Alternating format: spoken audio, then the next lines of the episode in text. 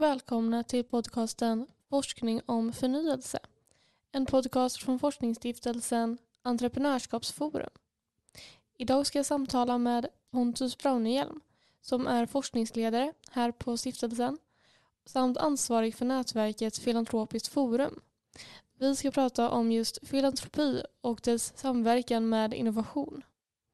Mitt namn är Hanna Susinski och jag är forskningsassistent. Välkomna!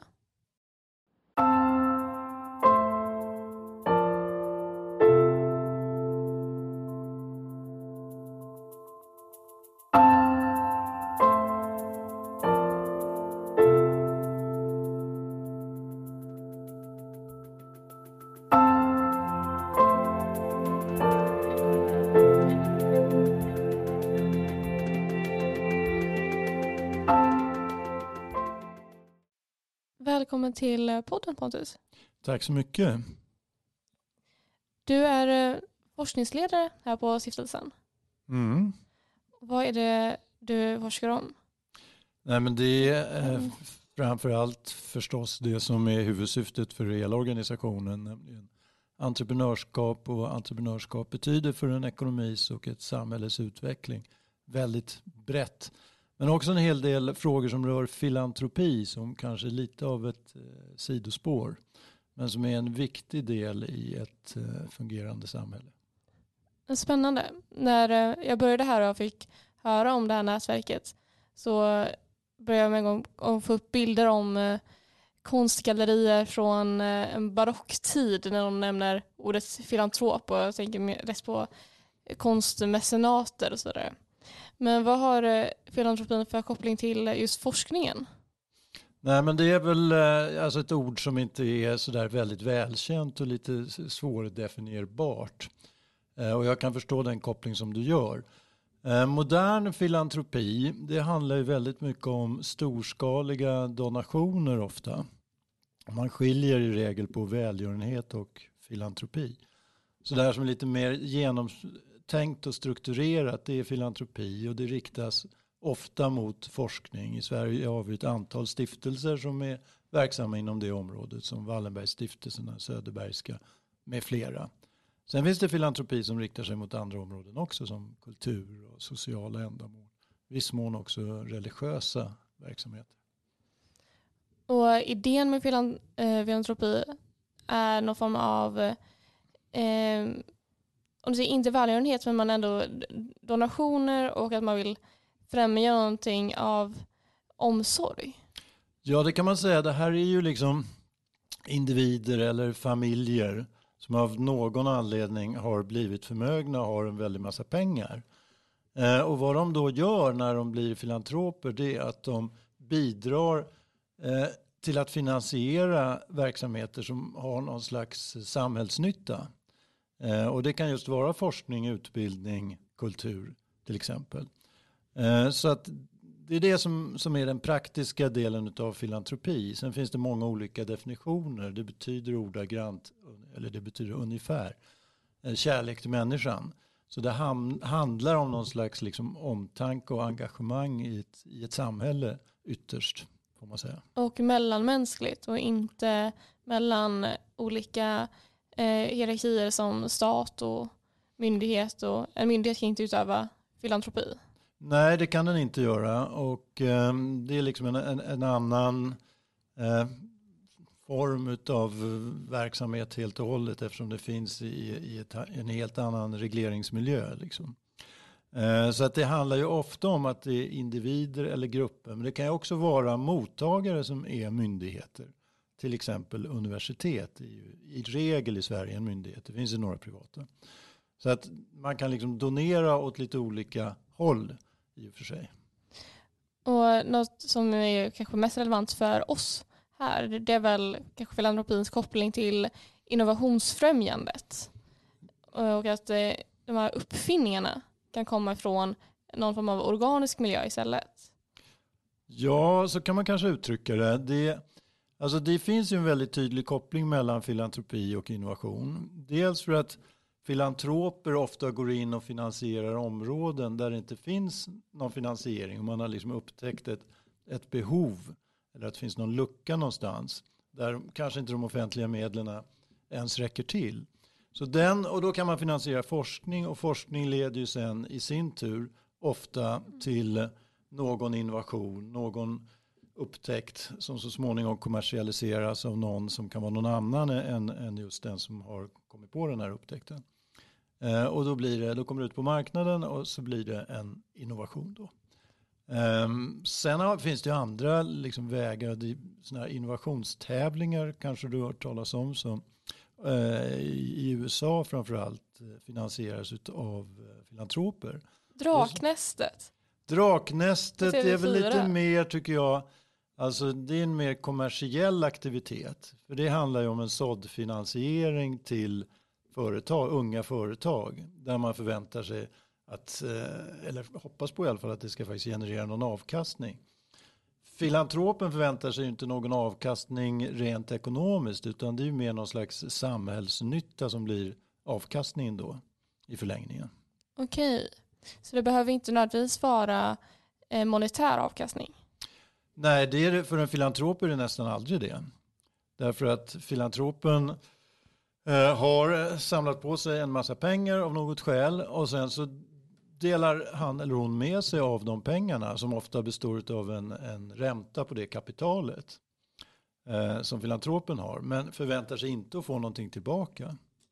Vad finns det för avkastningar som inte är direkt monetära men kan ha bra synergieffekter? Ja, alltså det är ju de här som jag har nämnt bland annat då. Sen så finns det ju andra som sociala ändamål. Att i olika grupper i samhället som tas om hand på olika sätt. Det kan handla om integration.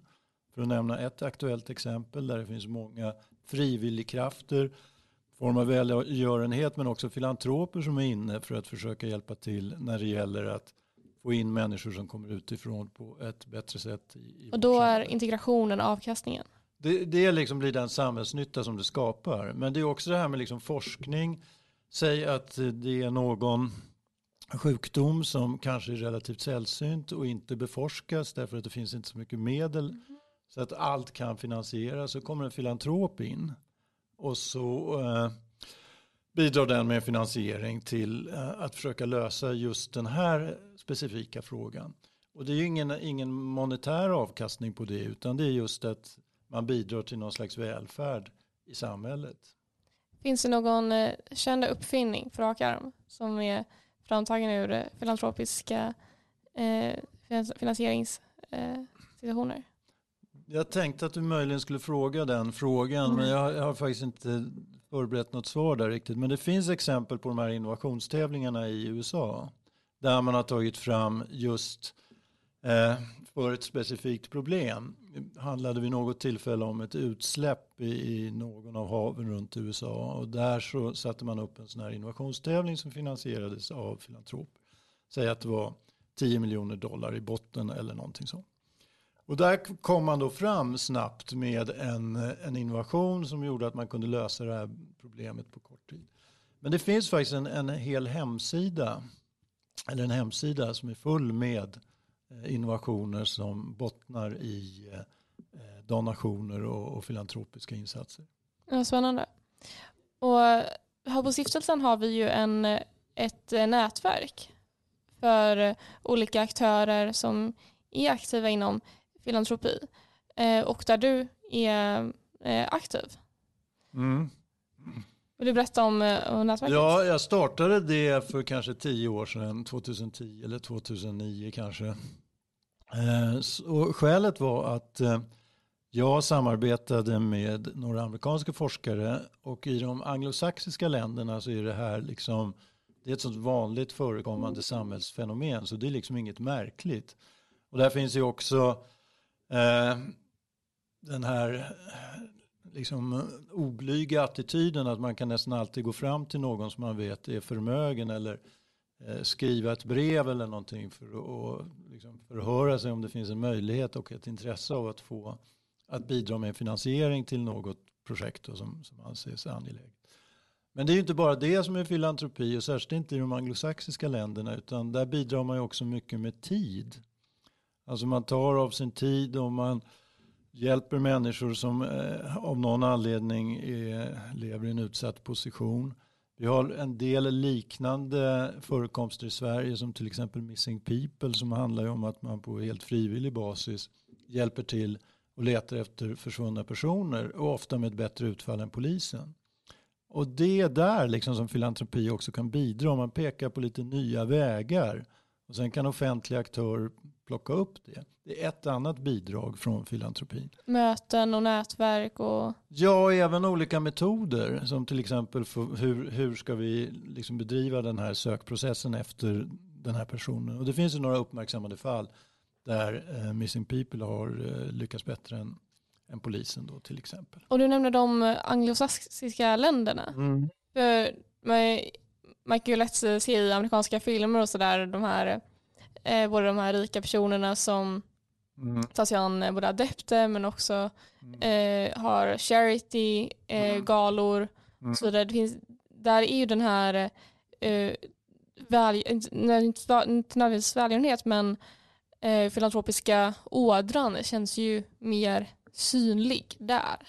Definitivt och det har nog sina historiska skäl också. Att det, fan, det är liksom ett nybyggarland. I Europa så hade man någon form av offentlig sektor sedan århundraden tillbaka. Och då blev det ett större beroende av de som har lyckats. Men man har liksom en, en eh, kultur där filantropi är något tämligen självklart. Det går tillbaka till den här eh, stentuffe eh, magnaten Andrew Carnegie som väl byggde upp sin, sin förmögenhet inom stålbranschen tror jag. Eh, han var känd för att vara Eh, ganska tuff också mot sina arbetare och sådär. Men, men eh, när han så småningom eh, gick vidare så eh, testamenterade han hela sin förmögenhet till olika välgörande ändamål medan hans barn fick nästan ingenting. Eller i alla fall en blygsam summa. Och han skrev också det här The Gospels of Wealth, alltså rikedomens evangelium som eh, liksom pekar på att har du lyckats, har du blivit väldigt förmögen så har du också en, en eh, förpliktelse att ge tillbaka till det samhället. Och det där har vi börjat fånga upp i, i Europa nu eh, på, på ett eh, helt annat sätt än vad som tidigare var fallet. Men vad kan det ge i förhållande till vad en eh, som satsning ovanifrån kan ge? En... Du tänker liksom en, ovan, alltså en, en skattesatsning eller hur menar ja, du? Ja, precis. En statligt ja. finansierad satsning. Det som är bra med det här det är ju att det bidrar till en mångfald. Därför att in, inom den offentliga sektorn så har man ofta eh, en, en, ganska strukturerad process för hur man, ska ge, hur man ska finansiera olika saker, varför man ska göra det och, och i botten så finns det ju någon eh, politisk eh, orsak till varför man prioriterar vissa områden. Eh, filantropin är ju inte styrd på det viset utan det är olika mer eller mindre individuella skäl som gör att man sätter upp eh, till exempel en stiftelse och riktar donationer mot vissa ändamål. Så att det är helt andra betingelser och då så eh, kommer också eh, nya finansieringsformer eh, att uppstå man skapar karriärvägar på ett annat sätt på universiteten till exempel. Därför att det finns pengar för att bygga upp eh, ett, eh, en biotechinstitution eller en IT-institution. Vilket var fallet i USA för 40 år sedan. Och det gjorde att man fick ett försteg också när det gällde att kommersialisera den typen av kunskap. Det kom ut nya företag och företag drog på de kunskaperna. Så att det är väldigt stora skillnader alltså. Och för tio år sedan så vi fångade du upp den här idén och, gjorde, och exekuterade och skapade det här nätverket? Då skapade jag det här nätverket och eh, bjöd in ett antal personer för att sitta med i styrgruppen. Och det var både filantroper och det var sådana som var beroende av filantropi och det var forskare och det var andra. Och, och sen dess så har det där rullat på bra. Jag skrev en bok 2006 tror jag den kom ut som heter Sista fracken inga fickor har. Eh, och då fanns det liksom, och det var en jämförelse mellan USA och Sverige när det gällde eh, den filantropiska kulturen kan man säga. Massa olika perspektiv som jämfördes. Men då förstod ingen liksom vad filantropi var. Man blandade ihop det med filateli som handlar om frimärken och sådär. Mm. Så det var ett i princip okänt begrepp då. Men nu är det ju mycket vanligare att man kan ta till sig kunskap om det här och är intresserad och begriper vad det handlar om. Och där kanske Filantropiskt forum har gjort en liten insats. Och det Filantropiskt forum gör är då att eh, eh, bedriva forskning eller initiera debatt? Både och, för att det, det, det är också hela poängen med, med verksamheten på Entreprenörskapsforum, att utifrån forskningsbaserad kunskap eh, sätta igång någon diskussion, debatt, vad kan man göra saker, vad kan man förbättra för någonting. Eh, så att det är det övergripande syftet eh, även för Filantropiskt forum. Och, så hur kan man stärka förutsättningarna för filantropi? Hur kan man eh, öka förståelsen för det? Varför är det så att säga bra med filantropi? Och den här våren har ju vi producerat två rapporter som kommit igenom, och vi i då stiftelsen, men genom Filantropiskt forum. Mm, eh, den ena handlade om socialt eh, företagande. Ja, den handlade kanske snarare om finansiering. Kapital, eh, kapitalförsörjning för sociala mm, bolag. Precis, det kan man säga. Så, alltså, hur finansieras socialt entreprenörskap på ett uthålligt sätt? Skriven av Rut Brännvall och går att hitta på vår hemsida. Just det. Och den andra om bygggemenskaper. Precis, och där integrationsaspekter men också människors eh, individuella önskemål att de ska kunna tillgodoses när det gäller olika former av boende egentligen.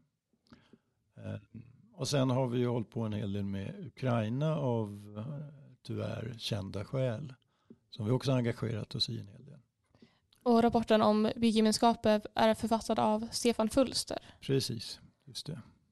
Och är det den här typen av rapporter som nätverket producerat eh, tidigare eller är det seminarier? Nej, men det är den typen av rapporter som ofta blir då ett underlag för antingen ett frukostmöte eller ett seminarium eller en lite större konferens. Vi har ju två större, eller har haft i alla fall, med lite uppehåll för pandemin och sådär. Men en är ju eh, kopplad till Agenda 2030-målen. För där har man liksom räknat med att filantropiska insatser måste komma till för att man ska klara finansiering för att nå Agenda 2030-målen. Den andra är eh, våran summit, Swedish Philanthropic Summit, som äger rum varje år. Eh, nu kommer den äga rum i oktober i år, jag kommer inte ihåg exakt datum.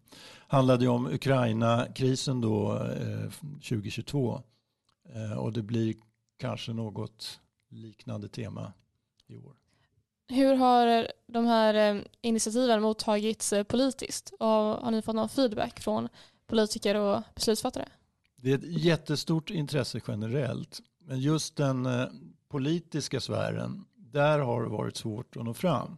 Men vi försöker ju alltid och har alltid haft eh, politiker med. Eh, men, men det är på något sätt inte deras liksom prioritet det här. Och, och utifrån politikerns perspektiv kanske det är intressantare liksom är att man tar in skatter och fördelar medel och liksom för en aktiv fördelningspolitik utifrån de politiska mål som ett parti har.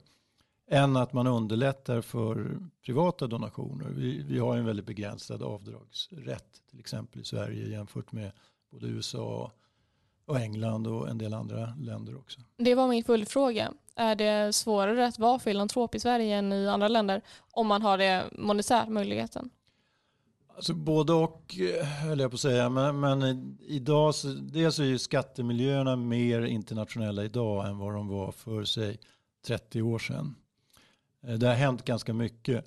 Men sättet som man gör det på i Sverige det är ju att man sätter upp en stiftelse. Därför att under förutsättning att du delar ut den avkastningen som stiftelsen genererar under en femårsperiod. Du delar ut 80% av den så får du också en skattebefrielse. Så att det är liksom det, den formen som filantropin sker i Sverige. Det styrs väldigt mycket av skattemiljön. Sen finns det ett mindre avdrag som man kan få som privatperson nu som är tämligen nytt och som har liksom plockats bort och plockats fram med jämna mellanrum. Och det, det är på du kan dra av hälften, hälften av 12 000 kronor kan du få 25 procent skattereduktion på vill jag minnas. Så det blir mycket siffror och procent där. Men det, finns en, det finns ett visst incitament där i alla fall. Eh, och det incitamentet kanske skulle kunna bli större? Det... Jag tycker att det skulle kunna bli betydligt större faktiskt. Man kan jämföra med, jag säger inte att det ska ligga på den nivån, men vi har ju ett investeraravdrag som du och jag kan använda oss av som uppgår till 50 procent av 1,3 miljoner ungefär. Eh, man kan tänka sig någon sån variant. Sen kan man diskutera vilken nivå det ska ligga på. Och innan eh, du var forskningsledare här, eller också parallellt, så har du själv bedrivit forskning på KTH, mm. eh, bland annat. Har det forsk- hur mottas det här i forskningsmiljön? Om man, som forskning, jag tänker mest på effekterna av det. Om man mäter det, om det är ett intresse att forska kring det. Intresset att forska kring det har vuxit radikalt faktiskt. Man får nog säga att Filantropiskt forums forskning, för vi har haft renodlade forskningsanslag, eh, har gått lite i bräschen här. Eh, och framförallt när det gäller eh, kopplingen till innovation och samhällseffekter. Där är, är, har nog Filantropiskt eh, forum varit lite av en spjutspets. Alla universitet och högskolor är ju superintresserade av det här. Och inte minst därför att de vill veta hur kan vi förmera våra medel genom att motta mer donationer från filantroper. Så nästan alla högskolor och universitet har ju någon form av fundraising committee idag. Eh, så att det har blivit ett liksom inslag i universitetsbyråkratin kan man väl kanske kalla det för. Alla har en sån här grupp idag och de sätter upp mål och det ska samlas in pengar. Och om du spanar framåt, hur tror du eh, utsikterna för filantropin ser ut? Och framtidens innovationer, kommer de komma genom statliga anslag eller genom filantropiska eh, eh, satsningar? Andelen innovationer, om vi börjar där, som kommer liksom genom olika statliga satsningar är ganska låg. Och det beror på att man liksom kliver av tidigt, vilket man ska göra också, för man har inte kompetensen att föra ut en, en upptäckt, en innovation, någonting som är nytt på marknaden, utan då krävs det en entreprenör. Eh, så staten gör klokt i att hålla sig liksom till basforskning och sånt där som inte eh, näringslivet är så intresserat av. och som företag kanske inte har råd med? Nej, inte har råd och de ser liksom inte riktigt de kommersiella applikationerna. Men det finns ju sådana inslag till exempel inom läkemedelsindustrin. Det ligger nära basforskning mycket. Men eh, så eh, där eh, eh nu tappade jag tråden lite grann. Var var vi? Men eh, en del innovation kanske kommer från filantropiska insatser jo, precis, eller kanske vinklingar av innovationer. Eh, användarsätt. Ja, jo men eh, det kommer naturligtvis i ett samarbete mellan olika aktörer och, och där spelar filantropin en viktig roll i, men å, återigen i de tidigare skedena. Men eh, alltså filantropiska satsningar, donationer till säg forskning, de ligger ofta närmare ett tillämpat skede okay, än den renodlade ban, eh, basforskningen. Så att därför så finns det, och det tycker vi oss ha sett och jag och en amerikansk kollega i någonting som vi gjorde 25-26. Och det finns även andra forskare som har tittat på det här, eh, framförallt eh, amerikanska. Att de här filantropiska satsningarna leder till mer tillämpade resultat än basforskningen.